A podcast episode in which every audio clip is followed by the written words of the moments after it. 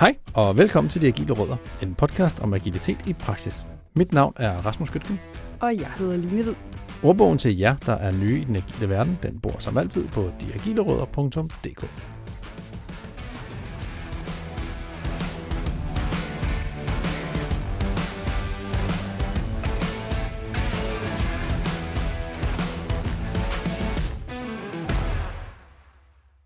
Dengang skal vi høre rigtig meget om agile transformationer, men vi kommer også til at høre rigtig meget om det lille fine ord, eller snarere den lille fine forkortelse, COE'et. Det står for Center of Excellence, og det er jo selvfølgelig i dette forum agil excellence, vi skal høre om. Vi får også det fantastiske begreb agil teater, og for nu at være helt ærlig. Jeg tror ikke, det er ikke en teknisk øh, faglig term. Vi elsker det. ja. Og øh, sådan som Rasmus og jeg i hvert fald forstår det, så handler det simpelthen om det der med, at man ligesom virker agile og bruger en masse agile ord, uden måske helt at have forstået, hvad det egentlig handler om at gøre det i praksis. Sidst men ikke mindst, så kommer vi også lidt omkring Discovery-arbejdet, fordi vi kommer til at tale om produktudvikling, og det handler, Discovery handler basalt set om at finde ud af, hvad er det for nogle problemer, og hvad er det for nogle løsninger, vi skal have på de problemer. Det er arbejdet, der ligesom skal til, før vi går i gang med at bygge. Og så må vi vist heller komme i gang.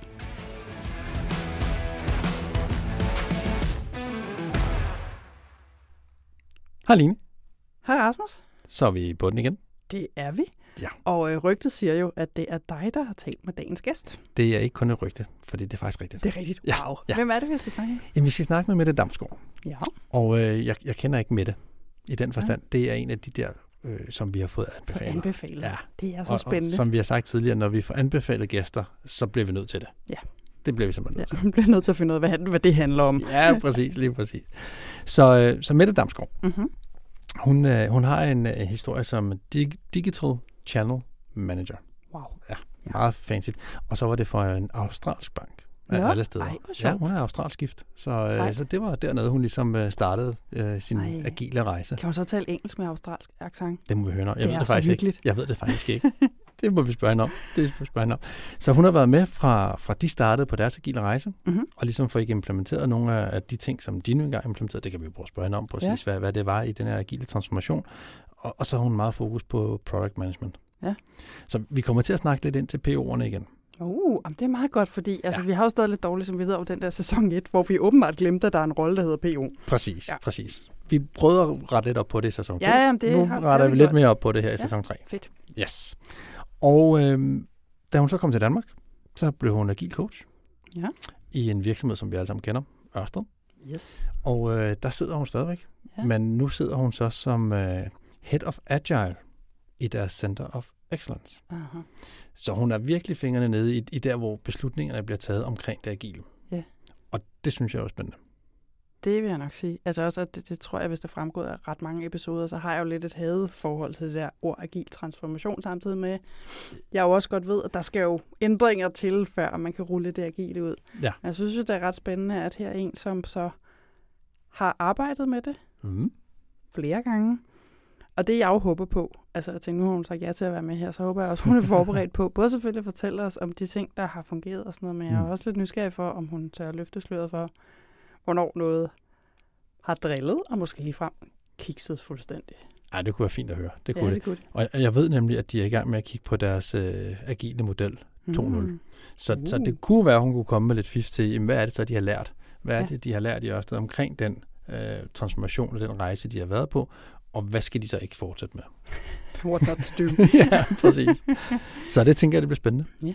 Er der andre ting, du synes, vi skal, skal prøve at spørge om? Jeg ved ikke, om vi også skal drible rundt omkring det der med noget product management. Om, Mm. om der er noget der, der kunne være interessant at, at spørge ind til. Det er der helt sikkert. Øhm, Og det, det ved jeg, hun brænder for, så det vil hun meget, meget gerne snakke. gerne. Ja, det vil hun. Ja, Det vil hun. Så det tænker jeg, det, det, bliver, det bliver godt. Det, det gør det bestemt. Helt sikkert. Skal jeg ikke prøve at gå ud og se, om hun står ude foran døren? Afsted med dig. Hej med det, Hej. og velkommen til. Tak skal du have. Ja, har du haft en god sommer? Ved du hvad, jeg har haft en god sommer, men jeg har ikke haft nogen sommerferie, Nå. faktisk. Fordi Nej. det sker først om to og en halv uge, Ja. når mig og min familie vi skal til Australien i fem uger. Ja.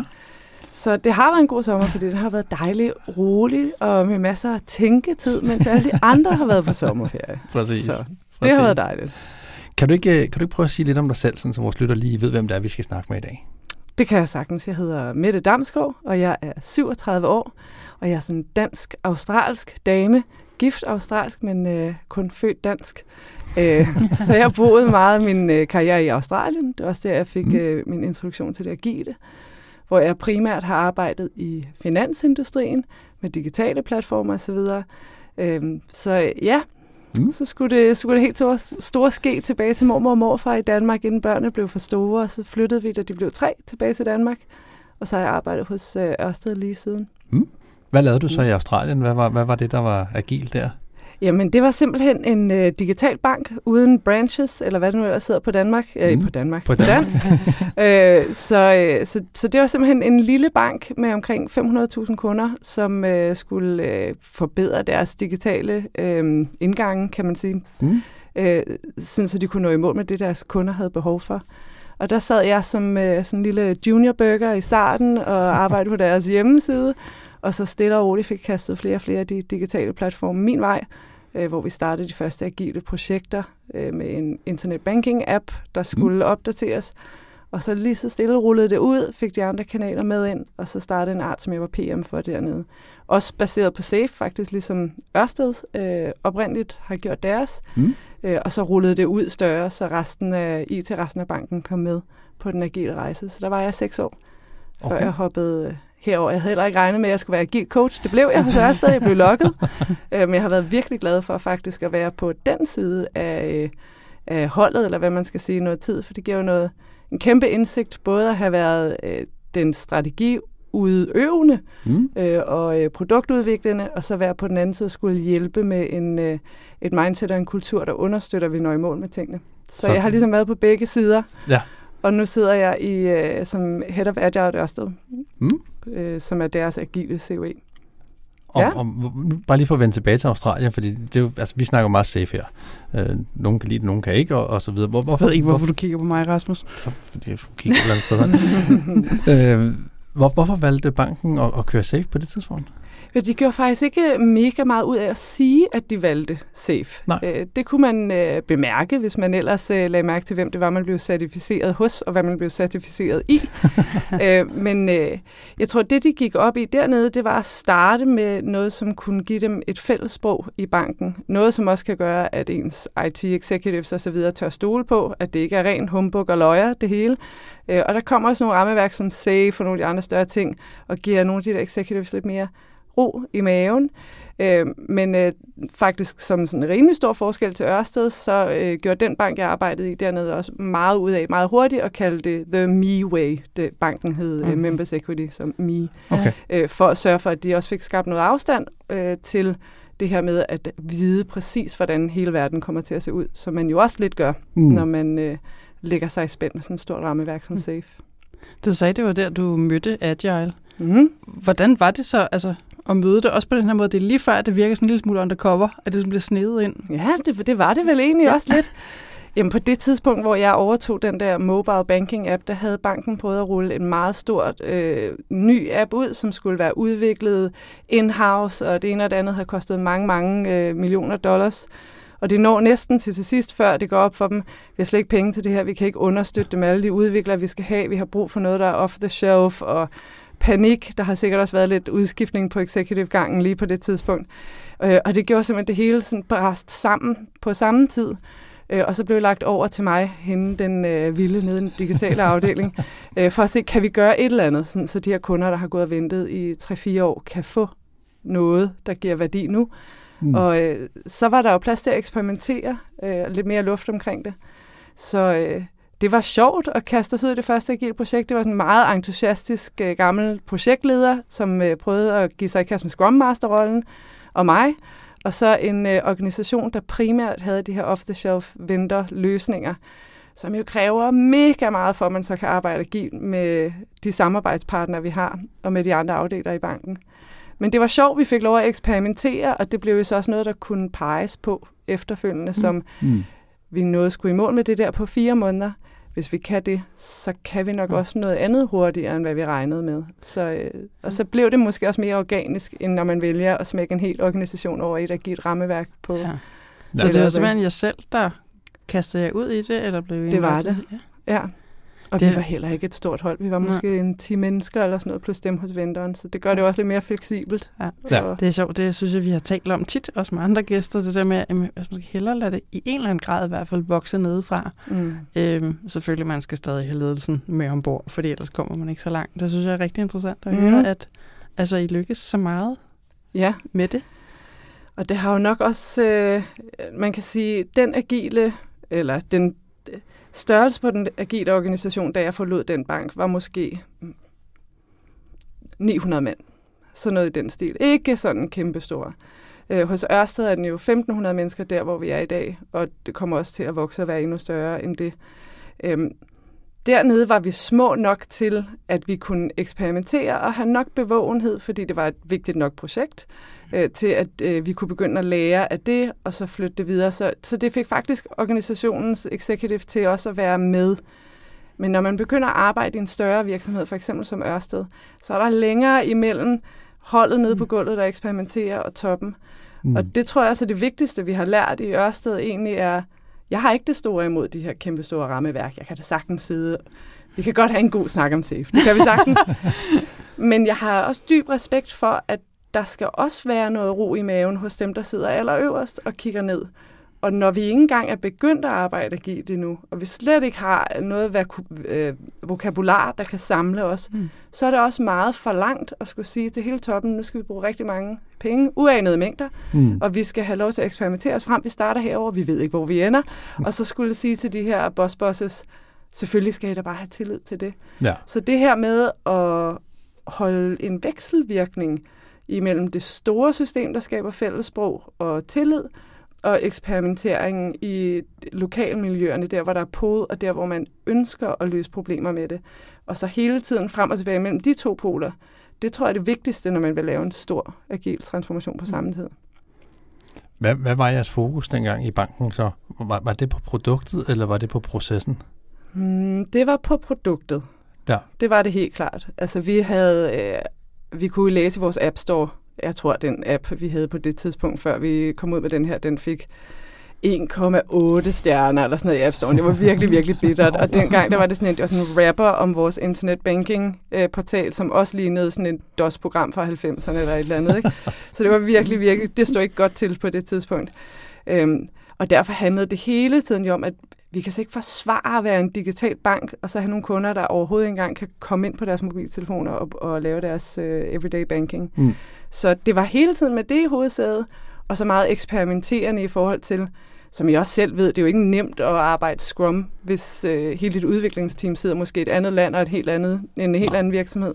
Der skal der måske også mere fleksibilitet og eksperimentering til at have de rigtige samtaler på de rigtige tidspunkter. Mm. Så, så meget fokus på, på, på produktet, og det er også lidt det, det synes jeg, vi har snakket om tidligere, det er jo det, at det er jo det, som du brænder lidt for, eller hvordan? Det er det, helt ja. sikkert. Ja. ja. Altså, jeg har sådan en kæmpe øh, samarbejdsfortaler. Øhm, så meget, så at jeg nogle gange kan tænke, elsker jeg samarbejde? Går jeg så meget op i samarbejde, at det næsten kan blive sådan en tyk dame og danse med, fordi alle skal være med. Jeg har faktisk også øh, e-mailet Mads Nipper, som er CEO hos øh, Ørsted, for lige at stressteste er det nu også sandt, at man skal gå så meget op i samarbejde som mig?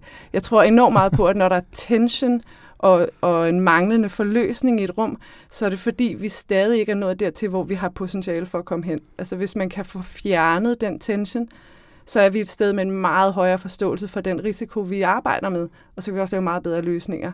Så jeg har jeg jo virkelig godt lide at blive i det rum, hvor spændingen er, og så få, få arbejdet med den.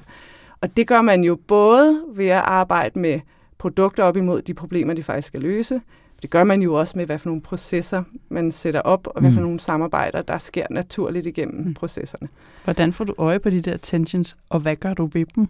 Jamen, øh, jeg prøver at... Øh, jeg er sådan en, der tænker, hvis der er en elefant i rummet, så er den, der er vigtigst at snakke om. Og selvfølgelig ikke, hvis det er noget personligt, der kan gøre ondt på nogle af dem, som er i rummet. Men hvis der er noget, vi hele tiden danser rundt om, så skal vi være dygtige nok til ikke at tage tingene personligt. Vi går jo ikke på arbejde og laver fejl, som så skal afspejle, hvem vi er, og altså hele ens personlighed, når man, når man går hjem igen. Det handler bare hele tiden om at sige, at vi har en virksomhed, der prøver at nå i mål med for eksempel Ørsted, en grøn omstilling, og der er noget i det her rum, som står i vejen for, at vi kommer i mål med en grøn omstilling, så må vi jo være ansvarlige voksne mennesker mm. og tale med hinanden om det, og finde frem til, hvad er det egentlig for en kerne, der gør, at vi ikke forstår hinanden, som gør, at det går meget langsomt med at komme frem af, så man kan få hele det her samarbejde til at speed op. Mm. mm. Og ser du det så, det agile, som, som et godt værktøj til at understøtte det her? Helt altså, jeg tænker, det, det er jo også noget, vi, vi, man vil jo også gerne det i den traditionelle vandfaldsverden. Der vil vi jo også gerne snakke samarbejde og så videre. Ja. Hvor, hvorfor tænker du, at agile måske gør det bedre? Så der er noget med den her tværfaglighed, ikke? Mm. det her med at sikre, at vi har stemmer, der er repræsentanter af forskellige dele af organisationen, som deler det hele. Ikke? Og det er det her klassiske billede på, at virksomheden bliver startet af en mand med en hjerne, eller dame selvfølgelig, øh, som lige så stille deler brudstykker af hjernen ud, for at nogle andre skal kunne varetage men ikke for, at de skal kunne tage dem væk fra den samlede hjerne. Det skal jo stadig forblive den samlede hjerne. Og når vi begynder så at funktionsopdele os, så bliver det rigtig svært at holde hjernen samlet. Mm. Øh, og det her med, at vi så på den agile måde organiserer os tværfagligt, så vi holder øh, mindre versioner af hjernen samlet på forskellige, forskellige steder i organisationen, så kommer vi jo øh, så er vi meget tættere på at kunne komme i mål med virksomhedens egentlige strategi og målsætning, end når vi er øh, væk fra hinanden. Ikke? Og det vil det agile jo rigtig gerne hjælpe os med. Mm. Men så skal vi også passe på, at det ikke bliver agilt teater, ikke? hvor det er scrum for scrum skyld, eller vi bare sætter nye ord på gamle måder at arbejde på tingene, fordi så kan det jo faktisk komme til at koste os dyrt, og blive noget, vi kan pege på for at undgå samarbejde, fordi vi gør det jo også rigtigt. Ja. Og, og I har så valgt SAFE hos Ørsted. Mm. Er, er det fordi, I tænker, at det kan det? Altså, nu valgte vi jo SAFE for en fire års penge siden, mm. må det være.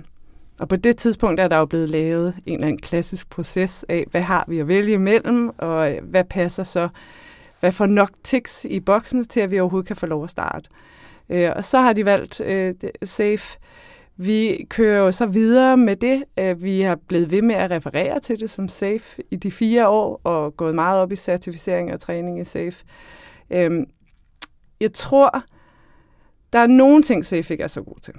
Og så er der nogle ting, som Safe bliver beskyldt for at være dårlig til, som det måske ikke er lige så dårligt til, som hvis man nu satte sig ned og læste hele den hjemmeside der. Ja. Altså vil man måske ikke, altså, men øh, summa summarum er nok, at, at vi har valgt at gå meget hårdt ind på rammeværkssnakken. Øh, og det har vi gjort i fire år. Nu har vi fået skabt et fælles sprog. Mm. Der er måske også lidt agilt teater her og der, og så videre, som der er så mange andre steder. Men vi er nu et sted, hvor sproget er ensartet nok, og forståelsen for, hvor vi skal hen samlet, er ensartet nok til, at vi kan eksperimentere og begynde at gå andre veje og skrue ned for safe-sproget. Men øh, jeg tænker ikke nødvendigvis smide det øh, ud i skraldespanden, for Nå. vi har jo lært sindssygt meget på fire år, så det er jo bare et spørgsmål om at finde ud af, hvad er pælene rundt om fodboldbanen i dag, og hvilke pæle kan vi fjerne, ja. så vi bedre kan acceptere lokal forskel osv. Ikke? Du talte før om den her vekselvirkning, netop mellem altså det højere lag og at have rammeværket og have sproget og måske berolige de høje herrer at, øh, eller damer, mm. øh, at der, øh, ja, ja, vi styrer mod noget. Altså som du siger, de der mere lokale eksperimenter. Og det lyder som om, det, det du taler om, der også meget sker nu. Hvordan ser det ud? Har du nogle eksempler på, hvad det er, I gør, du gør? Ja, altså for det første, så prøver vi jo at samle os selv fra et COE-perspektiv rundt om ideen om, at vi ikke er politimænd med en bog, som kan have en rigtig måde at gøre tingene på, som vi så kan gå ud og bebrejde eller tale med folk om, hvorvidt de følger eller ej. Og ikke, ikke, det er jo den, sådan helt at sætte tingene på en spids, så det er jo ikke fordi, det er sådan, det har været. Men i hvert fald komme helt over i den anden boldgade, hvor vi tænker os på os selv som en serviceorganisation. Hvad er det for en adfærd, vi skal kunne hjælpe med at skabe derude, og i forhold til og så at løse problemer for at opnå den her agilitet, hvad skal vi så have i spil? Og det vil være helt forskellige ting, afhængig af hvilken art, som vi kalder det, eller IPL, som vi har andre organisationer hedder, øhm, hvad de har behov for. Så det her med at sige, hvis vi har den fulde spilleplade, vi har nogle assumptions om, hvor spillepladen virker, hvor den ikke virker, så finde dem, der også har en hånd på kogepladen i forhold til at få det til at virke, som gerne vil, og så samarbejde lokalt øh, med at eksperimentere og finde ud af, hvad virker så. Og i eksperimenteringsprocessen så finde ud af, er det her gældende her, eller er det gældende bredt. Øhm, så det prøver vi at arbejde rigtig meget op om for at lave en, altså en produktforbedring mm. for den service, vi som COE i det hele taget prøver at komme ud med. Ikke? Og det er en af de ting, jeg synes, der er stærke ved alle de rammeværktøjer, om det er SAFE eller Scrum eller hvad det er, det er leg med dem, tilpas dem, finde ud af, hvad der virker for jer som organisation. Og, og hvis du skulle tage en af de vigtigste læringer fra, øh, fra det, som I nu har gået og lavet, hvad, hvad er det så? Hvad er det, der ikke virker i, i hos jer? Altså, vekselvirkning mellem top og bund og på tværs. Altså det her med, vi kan ikke, vi kan ikke bare komme ud og sige, det her det er rammeværket, nu skal jeg arbejde på den her måde. Mm. Fordi det, der sker, når vi gør det, det er, at øh, broen bliver lukket, og transparensen holder op, fordi de enkelte agile organisationer vil gerne have lov at eksperimentere, de kender deres eget område og ved godt, hvad for nogle problemer de vil løse, så gør det det bare alene. Og så kan det være lige meget, hvor mange powerpoints du sidder og laver op i et eller andet COE. Det gør dem ikke mere virkelige øh, derude, vel? Så det her med, øh, vi skal selvfølgelig skabe fællessprog, og selvfølgelig skal vi også eksperimentere, men i midten af alt det her, den største læring, hvis der ikke er et brændende problem, så er det meget, meget sandsynligt, at det bliver agil teater, og at du kommer til at skabe enormt meget stress i den organisation, du, læ- du lægger om. Men hvis du finder et problem, som organisationen virkelig har behov for, nu taler jeg bare på artniveau, ikke? altså ja. de her 150 mennesker, noget, der virkelig står i vejen for dem, som kan løses med dit rammeværk, så er det jo der, vi skal sætte ind. Og så lade det bevæge sig organisk og forskelligt, selvom at vi også øh, selvfølgelig skal arbejde på at bevæge os i takt, så vi har det her fællesprog. Hvordan holder I den transparent? Øh, transparent åben, skulle jeg til at sige. Jeg ved ikke, om en transparent skal være åben, men det er også lige meget. altså, netop som, altså, så man ikke begynder, hvis jeg hørte rigtig sådan, at hive ting ned over og teamsene, men ligesom stadig giver dem rum til at kunne eksperimentere. Hvordan gør man det? Ja. Ja, det er jo et godt spørgsmål, fordi det er jo ikke, fordi vi er verdensmester, men vi har gode intentioner, kan man sige. øhm, vi prøver jo på at sige, nu har vi øh, hos Ørsted øh, 1.500 mennesker i de her agile organisationer, og så er vi en, lidt afhængig af, hvem du tæller med, en 10 coaches eller noget i den stil, hvilket jeg i hvert fald kan lade mig forstå, forstå ikke nødvendigvis er mange i forhold til, hvad man ser i nogle andre organisationer. Det kan I lige rette mig, hvis jeg tager ja, Nej, jeg, det, jeg, synes, det er pænt, jeg synes, det er et pænt tal. Pænt? Jamen, jamen, ja, pænt. Tak. Tak. Det er slut her. Nej, øhm, vi prøver så at arbejde med det her med, hvis du er øh, allokeret op mod en en øh, organisation eller et, et sted fast, så kommer du til at løse de problemer, du også selv er bedst til at løse med den hammer, du har. Ikke? Mm. Og så er det også nemt så, som coach at forsvinde ind i den verden. Og det er jo faktisk fint nok, hvis du er inde i en organisation, du løser problemer for den. Lækkert. Men så mangler vi det her med at få viden til at flytte sig fra det ene mm. sted til det andet og videre. Øhm, når man har 10 coaches, så har man jo ikke nok hænder til at være ude alle steder og se alting. Så vi prøver på at finde, altså i, øh, skabe transparens rundt om, hvilke øh, problemer prøver vi at løse hver især. Så skal man have lov til at løse alle de problemer, man øh, vil. Det er jo forretningen for pokker, ikke? Altså hvis offshore operation gerne vil løse øh, et problem, de har derude, så er det i hvert fald ikke mig i et COE heroppe, der skal stå og sige til dem, at det er en dårlig idé. Selvfølgelig skal Nå. de løse det problem. Men vi prøver så at finde ud af, hvad er det for nogle problemer, vi har, der har fællesnævner, og hvordan kan vi prøve at eksperimentere et sted, trække det videre, mm. samarbejde rundt og få det tilbage i COE'et. Så COE'ets primære rolle ikke bliver politibetjent eller øh, den, som har sandheden, men snarere bliver et øh, vehicle for at flytte viden og binde mm. folk sammen og skabe netværk. Fordi så bliver hænderne også meget mere gældende, altså de får mere der kommer mere ud af dem, hvis vi kan få lov til at arbejde sammen på en mere øh, øh, fleksende, øh, mm. problemorienteret måde. Så de i virkeligheden selv definerer for det første, hvad problemerne er, og hvordan de gerne vil løse dem, sikkert med sparring for jer, og så sørge for videndeling basalt set? Prøv at høre, hvis vi ikke gør det, ja. så sker det alligevel. og så sidder der sådan et tåbeligt COE, som ja. bliver dybt irrelevant. Ja. Og det har, det har jeg slet ingen interesse i. For mine egne børn og families vegne, så har vi øh, hårdt brug for den her grønne verden.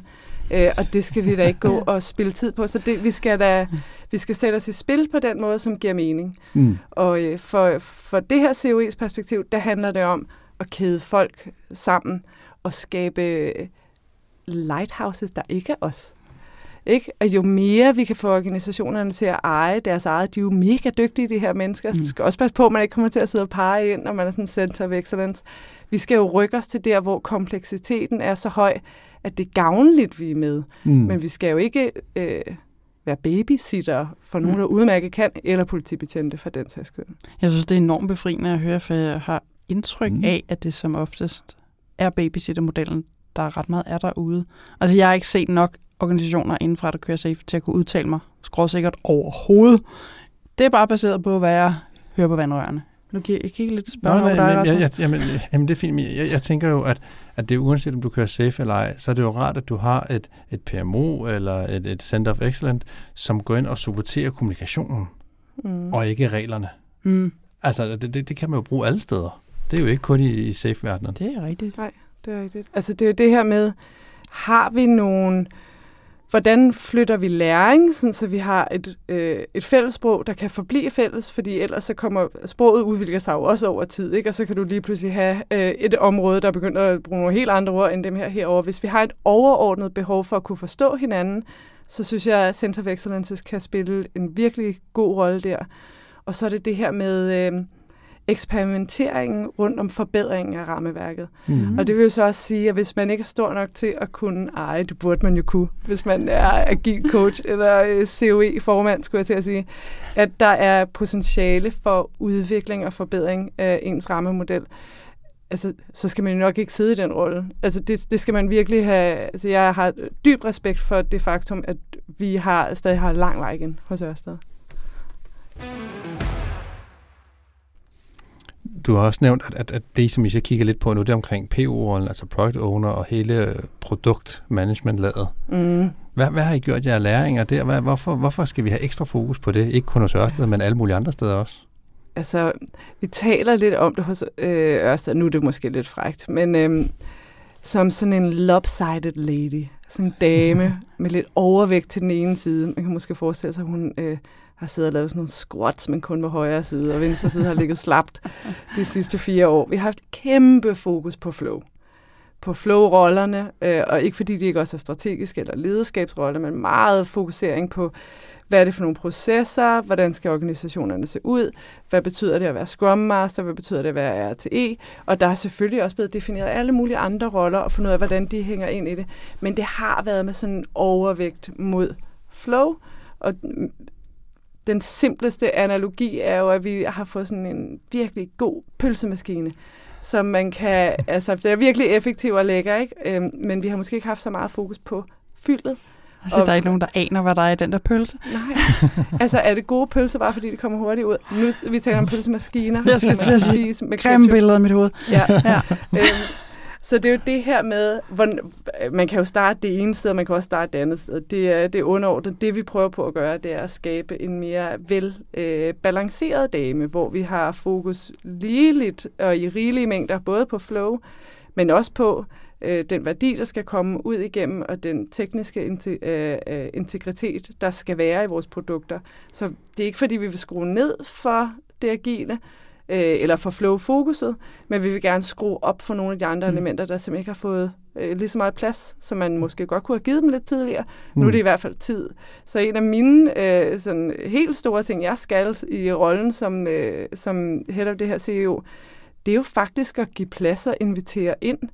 For jeg har set, hvordan en organisation kan fungere, hvis den har designroller i deres teams, hvis arkitekterne arbejder ikke som politimænd, men som lige, lige øh, dele i, øh, i discovery-processerne, hvis security også bliver en valued partner early, og ikke en, man støder på der til sidst, så kan man rykke helt vildt øh, ved de produkter, man udvikler. Så, så selvom det lyder sådan lidt omvendt, så er mit store fokus faktisk at få skabt balance i det her, for inviteret alle de COE'er ind, som faktisk kører med, hvis vi skal blive rigtig dygtige til at arbejde med produkter.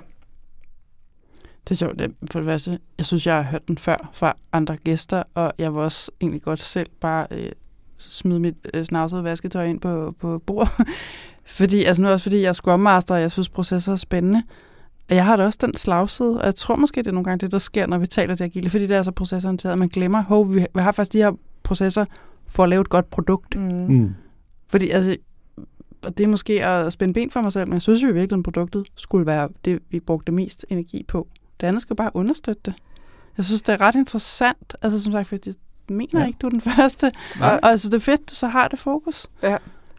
Jamen, det er jo det, processer, jeg er også vild med processer, jeg er også sådan, jeg er vild med teori og alt sådan noget, ikke? Men det er jo alt sammen ligegyldigt, hvis det ikke understøtter ja. noget, som er virkeligt, ikke? Øhm, og det er jo også det, som er interessant med alle de her flow-processer, fordi der er også, så snakker vi om det agile, eller vi snakker om DevOps, eller vi snakker om det ene og det andet, alle mulige ting, som faktisk overordnet set øh, har nogle overlap og understøtter hinanden, og så bliver fokuset meget hurtigt på, hvilket rammeværk skal vi bruge til at tale om det her. Men det siger Scrum jo også noget om, så hvorfor skal vi bruge det andet? Who cares? Hvis der er overlap, så siger det jo noget om, at vi er enige, at vi vægter noget højt mm. alle sammen. Det er da mega fedt. Ja. Så er det det, vi skal have fat i. Og så handler det jo om at tænke adfærd, og hvad det er, vi skal have ud af det, i stedet for at så slås om, hvordan vi forklarer det bedst muligt. Ikke? Så der er jo nok også noget arbejde for alle de her COE'er i at prøve at få et samlet sprog fra ja. COE'ernes side, som også bliver mere kundeorienteret, så man ikke sidder som koder og prøver at bygge nogle produkter og bliver ramt af sådan øh, 20 uh, øh, improvement roadmaps fra COE'erne samtidig. Hvor mange har I af de der COE'er? Jeg har et par stykker. øh, jeg tror, vi kan blive enige om, at vi øh, kunne se forbedringspotentiale med antallet af COE'er, vi har i Ørsted. Lige nu er det faktisk 29. Wow. Men ja. øh, hvis man sådan tæller sådan helt ærlige øh, COE'er, så er vi måske nede på en 20 stykker. Okay. Hvad laver de ni andre? Jamen, der er lidt med, hvad der lige kunne passe ind i den organisationsmodel. Ah. Man ligesom havde designet, hvad man kaldte det ene og det andet. Ja. Okay. okay. Og det, det, ret skal være ret. Det er okay. Ja, det er fandme. Ja. Hvordan, hvordan kan du så som, eller I så som uh, Agile COE, hvordan kan I understøtte jeres PO'er? Hvad, hvad kan I hjælpe dem med? Jamen, hele den her product-led rejse er jo øh, desværre ikke så simpelt, som at PO'erne får forståelse for, at deres produkter er mere end bare øh, det, som de kender øh, i dag, og en backlog, hvor man kan prædefinere en masse features. Øh, og hvis man ellers lytter på alle de forskellige stakeholders, man har, så længe man bare sidder og tonser features ud, så er man home safe. Det er jo, det er jo desværre det, vi tit ser, den her feature mm. factory, og de skal selvfølgelig hjælpes til at kunne forstå, hvad potentialet er for deres roller. Men det er jo så meget større end det. Fordi hvis de skal kunne forstå potentialet, så skal de lige pludselig også ud og arbejde meget mere samarbejdende op mod andre roller. Ikke? Det er jo noget af det her, som er sådan helt tyngden i product management, af det her, øh, vi har for eksempel Teresa Torres kalder det for product trio, ikke? som ikke nødvendigvis er tre mennesker, men at man samarbejder i hold rundt om øh, det designmæssige, det tech-mæssige og så forretningen, og at man tager beslutninger i balance mellem de tre, og det gør man både i discovery og i delivery. Så det kræver jo lige pludselig, at vores arkitekter kan noget nyt, at vores tech leads kan noget nyt, at vores hold, som skal sidde og kode ting, de skal også kunne noget nyt, for de skal lige pludselig forstå strategi og skulle kunne udfordre. Det man måske heller ikke nødvendigvis vant til. Mm. Og det stopper jo ikke engang der, for så er der jo de andre produkter og deres interlocks med hinanden, og der er ledelsen ovenover, som sidder og er vant til, de sidder jo med et sprog, som er, jeg vil gerne have en mobile app, byg mig en app, og lige står vi og siger til PO'erne nede på gulvet, så skal I sige hvorfor. og så sidder de dernede og siger, det skal jeg satme ikke sige til en eller anden boss, boss. Så lige pludselig skal vi jo arbejde med, hvordan åbner man op for nogle helt nye samtaler mellem en en PO, som også er fair og forvente, at de skal kunne have, men vi skal også klæde lederskabet på, som jo ikke prøver på at gå ind og, og bestemme noget, som de ikke har forstand på. Altså, mm. det, det vil i hvert fald overraske mig. Men de har jo bare et vokabular og en, øh, en, en toolbox, som passer ind med den verden, de har været i meget længe, hvor mit talt løsning meget tidligt. Ikke? Ja. De skal lære ikke at bede om løsninger mere. Ja. Nu skal de bede om problemer, der skal løses og alt muligt andet.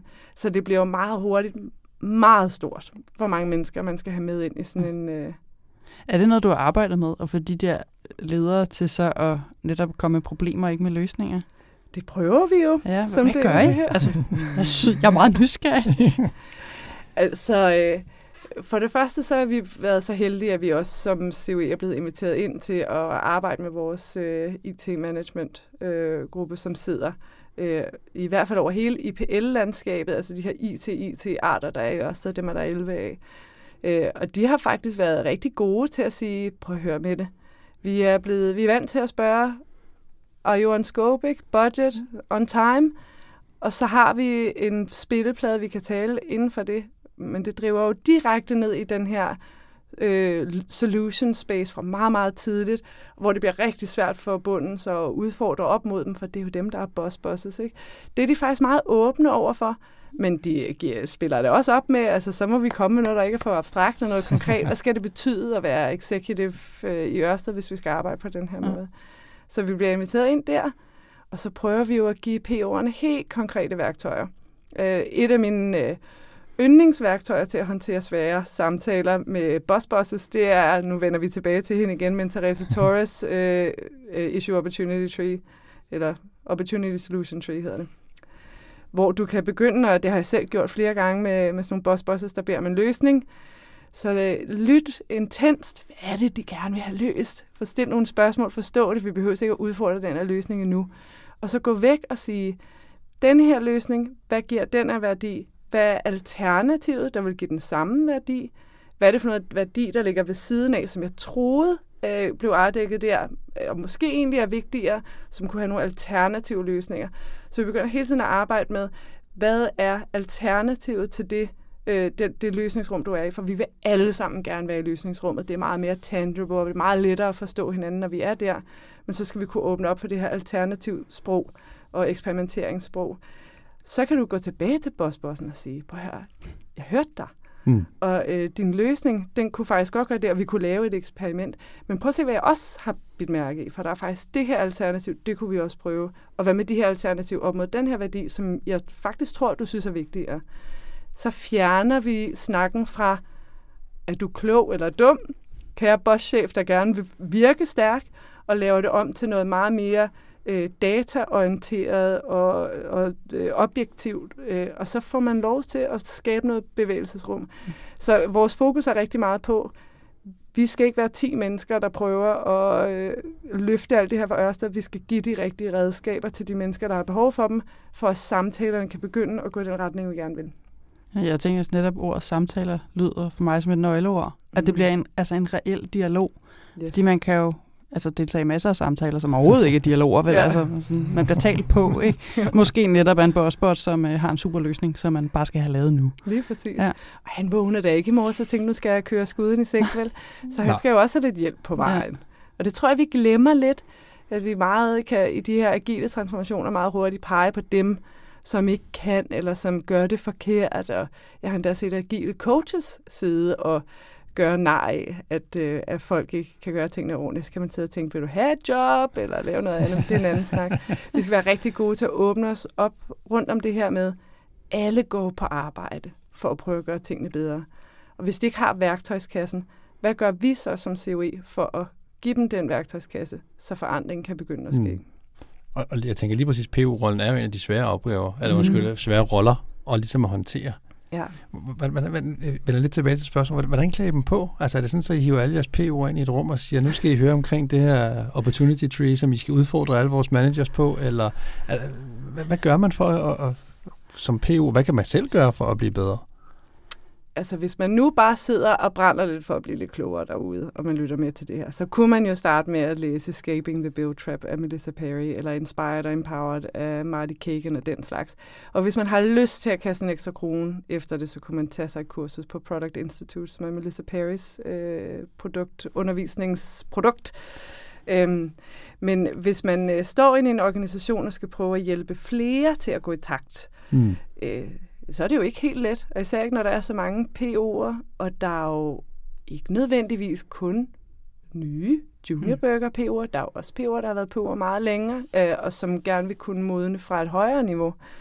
Øhm, og der er vi gået til det sådan lidt, nu eksperimenterer vi, hvor der er høj modenhed, og der, hvor der er meget lav modenhed, der prøver vi at fokusere vi på at skabe fællesprog. Så vi har lavet vores eget interne træning, vi ville egentlig have gået eksternt med at skabe det her fællesprog, men det blev ret tidligt tydeligt, det var svært at sige, at, øh, tidligt tydeligt. at man skal, for, for at kunne have en samtale om noget, som er så dybt og så svært, og som er så, altså, der er mange, der udfordrer hele det her produktsprog, så går det ikke at have en, sådan spralsk en fra et eller andet eksternt sted, stående og skulle prøve at skabe den dybde. Altså, vi havde behov for mm. at tage det internt, og også for at sige, product management handler rigtig meget om for eksempel discovery-praktikker.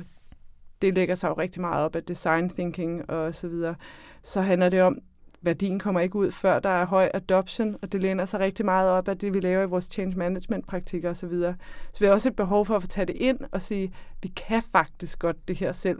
Så skal vi bare lige være dygtige og åbne nok til at klistre det sammen. Øh, men så fik vi også lavet vores øh, herlige to-dages kursus. I kan jo komme forbi også, sådan det på det af. Og det er ligesom fællessprogskaberen. Så vi prøvet at sørge for, at det når der er på, organisationer selv kommer ind, og de arbejder i grupper med deres egne produkter, sådan så de kommer væk derfra, og så kan bruge øh, det, vi kalder for ja, product canvas, forståelsen af produktet sådan som helhed og den strategiske iscenesættelse, roadmappet, som er øh, om dine produktmål og de issues and opportunities, du vil prioritere, ikke de måder, du vil gøre det på.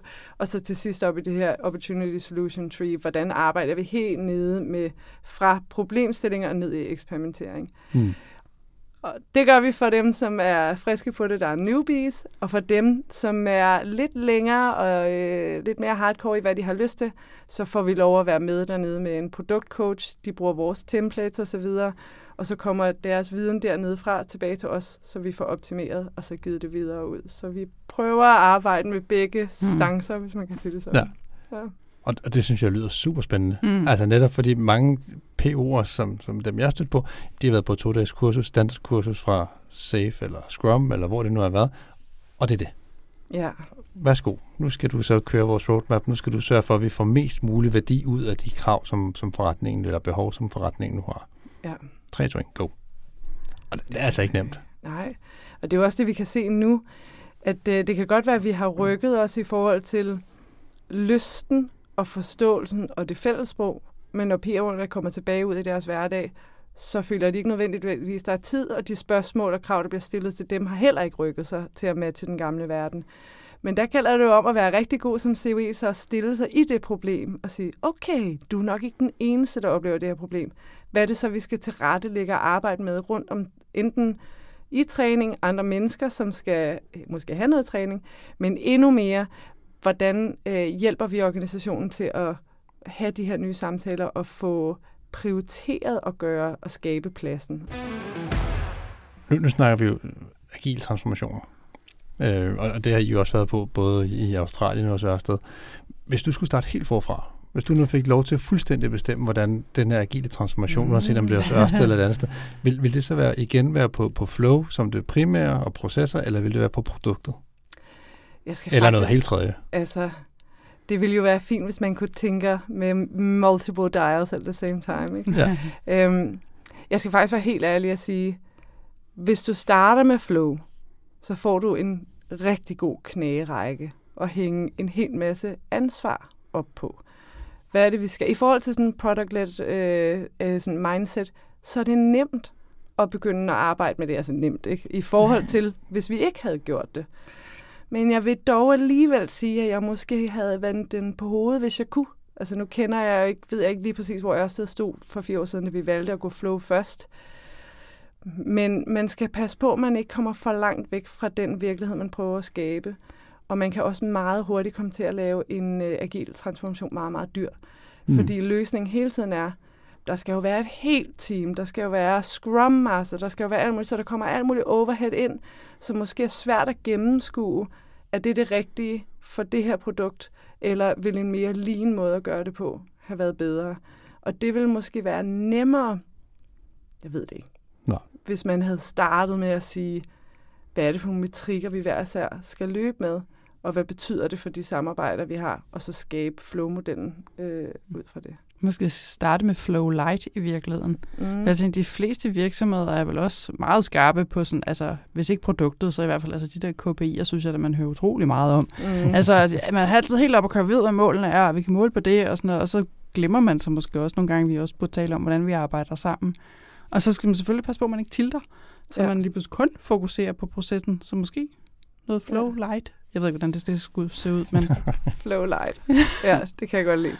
Det her med at samle folk fra forskellige afdelinger rundt om de samme målsætninger. Og i hvert fald komme væk fra den her idé om, at man skal kunne sige, hvem har ansvar for hvad, med en skarp linje imellem, det er din metrik, og det er din metrik, fordi så kommer vi jo aldrig i mål med samarbejde, så bliver det jo for fanden modsat, ikke? Mm. Så det her med at samle grupper og bede dem om at løse for, altså targets for sådan målbare metrikker sammen, det er i hvert fald mega godt mm. udgangspunkt. Så skal processerne nok også kunne få endnu større chance for at overleve og ikke blive til sådan noget teater, når vi så går i gang. Ja. Vi har jo her i podcasten, der, der plejer vi at snakke det agile manifest. Mm-hmm. Og vi spørger altid vores gæster, hvad for en af de fire værdier synes du ligesom taler mest til dig og til jer? Vi prøver lidt noget nyt. Ja. Og, og jeg har jo forberedt dig en lille smule. Nu, Gudskelov. Ja, ikke? Ja, for ellers skulle du sidde der og finde på noget lige midt i det hele. Nej, nu prøver jeg at snakke principperne i stedet, som ligger bag i det agile manifest. Og der er de her 12 øh, forskellige principper. Hvad, hvad for en af dem tiltaler dig mest, og hvad, hvad, hvordan ser man den i hverdagen hos Ørsted eller hos dig i din hverdag? Ja. Nu kommer det nok ikke som nogen særlig stor overraskelse, at jeg er meget stor tilhænger af early value realization yeah. op til vores kunder. Og det er faktisk fordi, at som princip husker det os på at arbejde anderledes, end man får lyst til. Især når der står en masse mennesker og banker på og siger, du skal da gøre det på den her måde, og alle skal der med. Det er ikke ambitiøst nok, det skal være større. det der med at huske, hvis vi skal kunne frigive værdi hmm. øh, ofte, hvis vi skal kunne lære at forbedre os selv og acceptere, at vi kommer til at tage fejl, og vi kommer til at skulle lære noget øh, i processen, så skal vi skære det ned småt og frigive værdi altså ofte. Og det er selvfølgelig på software i principperne, men vi bruger det hele tiden i mm. det her øh, product management enablement epic, som vi kører her nu. Og det handler også om, at selv i eksperimenter, øh, hvor du ikke er færdig med dit produkt, men du har lavet en eller anden øh, draft version of it, for at finde ud af, kan folk forstå det her, hjælper dem med noget, så, så kan vi jo i mødet med dem, der skal bruge det, allerede begynde at skabe noget forståelse for, hvad det er, vi skal i mål med. Og så begynder transformationen af ens mindset jo allerede i eksperimenteringsfasen. Ja. Så det her med hele tiden at indtænke, hvordan kan jeg skabe en adfærdsændring som del af mine eksperimenter, og som minimum skabe en adfærdsændring inden for det kvartal, vi sidder og arbejder med nu her. Mm. Ja. Jeg tænker, at der ligger også forhåbentlig være sådan en eller anden nøgle til måske at låse nogle af de der bossbosser op, som måske godt bare vil have nogle sikre løsninger her nu. Ja. Fordi jeg har da i hvert fald været vidne til nogle projekter, som ville have haft rigtig, rigtig godt af de der små løsninger at sende ud og lære noget af dem. Fordi hold nu op, når man får sat de der helt store tankskib i søen, ja. som man bruger alt for lang tid på, bare for at opdage, at de synker. Ja. Wow, det er dyrt. Ja. Og jeg vil jo også godt være med på, altså i den virkelige verden, der er det jo tit det, man bliver bedt om. Og hvis du skal mm. få lov til at lave noget som helst, så er, handler det også om, at man selvfølgelig også skal... Øh, øh, hvis man bare siger nej til det, man bliver bedt om af de der chefer. Jeg vil ikke arbejde på den måde, øh, I beder mig om at arbejde på, så vil jeg næsten gætte på i mange tilfælde, så får du slet ikke lov. Det vil være mm. synd. Ikke? Øhm, så det her med så at sige, hvis man nu hvis man nu bliver presset, påduttet sådan en kæmpe transformation initiativ, der kommer til at tage et år, man tænker, det er da åndssvagt. På den ene side, så prøv at arbejde med at gøre det mindre, men eksperimenter herover. Mm. Du kan sagtens gøre begge ting samtidig. Og hvis du hele tiden har for øje, at du godt er klar over dine egne assumptions i det store øh, initiativ, så kan du arbejde for at modbevise med dine små eksperimenter et andet sted. Lige så stille, så kommer skalaen til at tippe, så der bliver mere værdi, og det bliver mere interessant at kigge over på det eksperimenterende, end det, der blev bedt om til at starte med. Og så har du rykket dig fri mm. til at kunne arbejde dig fremad mere eksperimentelt. Så man skal passe på med at være for sort-hvid og for, øhm, hvad hedder det? Øh, ideological, ja. altså for, for fokuseret ja, på at gøre ting, for principfast. Ja. Men mindre vi gør det helt perfekt, så gør vi det slet ikke. Mm. Det, så tror jeg simpelthen ikke på, at vi rykker os. Mette, tusind tak, fordi du har lyst til at være med. Tak i vores lille podcast. Det, det var, var dejligt, fedt. at du havde lyst. Hvis der nu sidder der nogen derude, der tænker, vi vil egentlig gerne lige snakke lidt mere med Mette, eller høre lidt mere om Ørsted, eller et eller andet, hvordan kan man få fat i dig? Jamen, jeg skulle sige, ringe 1, 2, 3 med det, men det ville ikke være rigtigt. Man kan 1-800 Agile. ja, lige præcis. øh, jamen, skal være velkommen til at skrive til mig på øh, LinkedIn, øh, eller, eller noget af den stil. Det ville være hyggeligt at høre, især øh, altså dem, som, er, som prøver at være dem, der våger. Det er jo smadret spændende at øh, have samtaler om, hvordan kan man våge på en måde, som er sårbar og kommer fremad. Så det kunne være fedt, hvis der er nogen derude, der har lyst til at snakke om det. Vi linker til din profil i show notes, og øh, hvad jeg lige har døbt, øh, Mettes læseliste, fordi du fik godt nok øh, lige mange ting af, man jo lige kunne læse, så det tror jeg, vi skal have listet, så kan folk også finde det og bare gå i gang. Ja. Nu er sommerferien desværre slut, så det må være, det ved jeg ikke, efterårslæsning, når mørket falder på og vinden blæser, så kan man læse tingene fra Mettes liste. Ja, ja. perfekt. Perfekt. Tusind tak. Velbekomme. Tak. Det var Mette. Det Super var det. gæst. Det må man nok sige. Der var ja. i hvert fald energi i rummet. Det var der. Og det var super spændende også at høre omkring øh, produktudvikling og product management. Og, ja. og til jer, der ikke kan lide Safe, men vi snakkede også Safe. det synes jeg er spændende. Hvad tænker du? Har du nogle, øh, nogle tanker? Øh, jeg har, har mange tanker. Øh, jeg tror, at det er sådan allerførst og fremmest blevet mærke i, det jo det, hun talte rigtig meget om sprog, om fælles sprog. Mm. Og det kan jo godt være den indre sprognørd i mig. Jeg kan også godt lide sprog. Øh, og råbe og skrige om, hvor vigtig kommunikation er. Men jeg synes bare, det var interessant, hvor meget hun talte om det. At det dukkede op alle vegne, og også ja. hun omtalte noget, der var så vigtigt. Ja. Og jeg, jeg giver hende ret. Jamen, det er vigtigt. Fordi det er det der, jamen, vi bliver nødt til at have et fælles sprog om de ting, vi arbejder med, og vi bliver nødt til at sikre os, at vi også forstår det samme med de ord, vi siger til hinanden. Ja. Så er det egentlig lige meget, hvad det er for nogle ord. Altså hvis jeg skal Præcis. drage en parallel, altså det jeg plejer at sige, sådan noget personlighedstest, altså det kan man mene meget om. Mm. Men jeg synes noget af det, det faktisk kan, og hvor det er en styrke, det er faktisk, at man får et sprog, man får ord for de forskelligheder, der er mellem os mennesker. Ja. Så er det sgu lige meget, hvad vores personlighedstest har sagt om os. Ja. Men hvis vi får et sprog, så vi får en forståelse for, at vi mennesker er forskellige på forskellige måder, mm. så er vi et stykke vej. Og jeg bilder mig ind, at det er det samme, hun taler om. At vi får et sprog for den måde, vi arbejder på, og vi forstår det samme ved det, og så kan vi lige tale bedre sammen. Ja, lige præcis. Mega vigtigt. Ja, men helt sikkert, helt sikkert. Og ja. det er også noget af det første, jeg gør med teams og, og med organisationer, som jeg arbejder med, det er at sige, nu sætter vi os lige ned i det her rum, og så bliver vi enige om, at når vi siger agil mindset, eller når vi siger scrum, eller når vi siger mm. produktudvikling, eller når vi siger agil teater, jamen så er det altså det her, vi mener. Ja. Sådan så vi kan snakke ja. ens og sammen. Ja. Helt enig. Det synes jeg var, var mega spændende. Helt enig. Jeg kunne rigtig godt lide, at hun så snakker omkring, at, at det agile er en eller anden form for forum, netop til dialog, men også til riskontering. Mm. Altså, det er en måde at tage fat i alle de risici, som vi ved, der nu eksisterer på alle vores projekter, og prøve at mitigere nogle af dem. Ja. Det, det, det synes jeg, det Agile er rigtig god til. Ja. Øh, og det, det bød hun ind på, og det synes jeg er fedt. Ja, meget. Og jeg giver dig ret. Altså noget af det, jeg også sådan havde bidt mærke i, som også ligger lidt over i den boldgade. Hun taler også meget om åbenhed, mm. og det her med eksperimenterne. Og jeg tror, jeg hører dig ret i, at det er der, vi er henne af. Altså det der at åbne for, at vi kan tage nogle risiko, og anerkende, at de er der, løber nogle risiko for at blive klogere. Ja. Øhm, og noget af det, jeg synes var interessant, jeg kan ikke helt finde ud af, hvor langt de er i Ørsted, hvor meget de sådan er lykkes med det, men det der med at løsne op, så man giver plads til den usikkerhed, som det i virkeligheden er. Mm. Det synes jeg er rigtig interessant. Altså den der lidt, for mig lød det som lidt langsom og møjsommelige rejse, altså noget, man skal blive ved med at arbejde for også du ved, møve sig ind på måske lidt sidelæns og lidt forsigtigt, fordi det er farligt. Ja jeg synes, øh, rejsen er interessant, og som sagt, jeg ved sgu ikke helt, hvor langt de er. Nej, men jeg synes, men, det er spændende. Men, men, men jeg kan sagtens følge om, men også det med, at de eksperimenterer. Ja. Altså, det, det synes jeg jo er super fint, og det tror jeg også, vi har snakket om i nogle af de tidligere afsnit, at det der med at finde ud af, hvad virker for os, hvad virker mm. ikke, hvad sker der, hvis vi gør det her, hvad hvis vi går den her vej, hvad sker der, hvis vi putter den her lille bitte bid ned i produktionen, sådan så at kunderne kan se, hvad, hvad, hvad er det, vi tænker, hvor er det, vi vil mm. hen af med det her. Men al den der eksperimentering med, med processerne og med flowet og med produktet, super fedt. Og det er også med igen til at, identificere nogle af de risici og prøve at mitigere nogle af dem. Mm. Ja, og så synes jeg også, det var så fint, at hun talte om det her med, jeg kan godt lide en sådan ligesom omfavnelse af lederne, også det med, de skal også lære. Mm. Og, altså, og, og man skal samtidig også anerkende, at de har brug for den der sikkerhed, og ligesom få nogle ender til at mødes. Ja. Og den, det synes jeg, det gav i hvert fald mig nogle ret fine billeder op i hovedet. Altså med netop mere noget, der sker i flere ender, og vi, sådan, sidder her og skruer med hænderne. Det er en kat, der kan se ud over dig, Rasmus.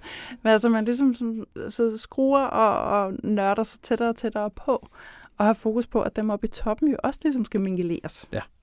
Ja, og det, at dem oppe i toppen, de tør række ud mm. til COE'et i det her tilfælde øh, hos Mette og sige, kan man, vi har altså også brug for at forstå, hvad ja. vi snakker om. Vi har også brug for at kunne snakke med ja. omkring produktet, ja. og, og hvad vi nu ellers øh, skal være med på teach us. Altså, Ja. klæde os også på. Ja, ej, der, der rammer du ind i noget, hvor jeg, altså, hvor du siger, jeg bliver sådan misundelig. Ja. Hvor jeg tænker, ej, sådan nogle ledere vil jeg også arbejde sammen med. Jeg har ikke stødt på så mange af dem, må jeg ærlig Nej, jeg, jeg har Ja, mødt et par der- stykker ja, derude, men, ja, men, men det er ja. fortalt, der ligesom Jamen, taler om, at vi ved ikke, hvad det vil sige at arbejde agilt. Ja, det er det. Vær nu åbne. Vis nu, hvad er det for Ja. en kultur, vi gerne vil have øh, i vores firma? Hvad er det for en kultur, vi har i vores virksomhed? Hvad er det for noget, vi gerne vil have af vores teams? At de åbner op og har den her transparens, at de har den her øh, sikkerhed for, at det er okay at Ja. fejle og ikke vide alt. Ja.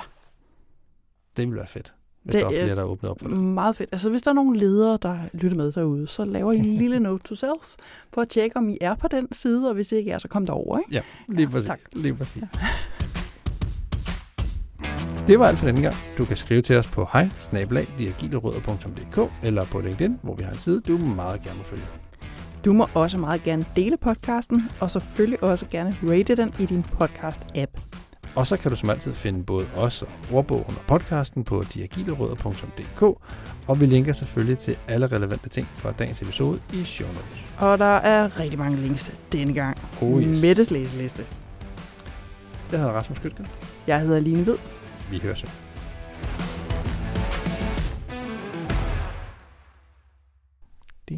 Du, du, du. Ja, så gør den en lille melodi. Okay, hvor er man gammel, når man kan det. Ja. Nå. Hvad mener du? Overhovedet ikke. Bare fordi vi står her og det imiterer øh, børnefjernsyn Ej, fra forrige årtusind. Og man prøver at høre. Jeg har, jeg, jeg har taget en stor beslutning i sommeren. Har vi Ja. tid? Ja, vi har 10 minutter. Jeg har jo kørt Ironman før. Det har jeg besluttet mig, det gør jeg igen til næste år. Okay. Så nu skal jeg i gang med at træne. Mm-hmm. Fucking, om jeg ikke får en fibersprængning af at lægge fliser. så er man med med dårligt stillet, man er.